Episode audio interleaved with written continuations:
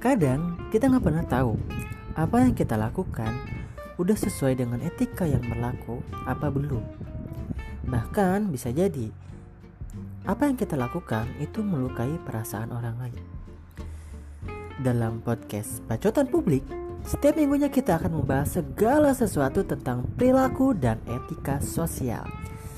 Kamu juga bisa cerita pengalaman kamu tentang perilaku orang lain dari sudut pandang kamu sendiri dengan bercermin melalui ocehan-ocehan orang lain, bacotan publik akan membuat kita semua sadar akan pentingnya sebuah etika.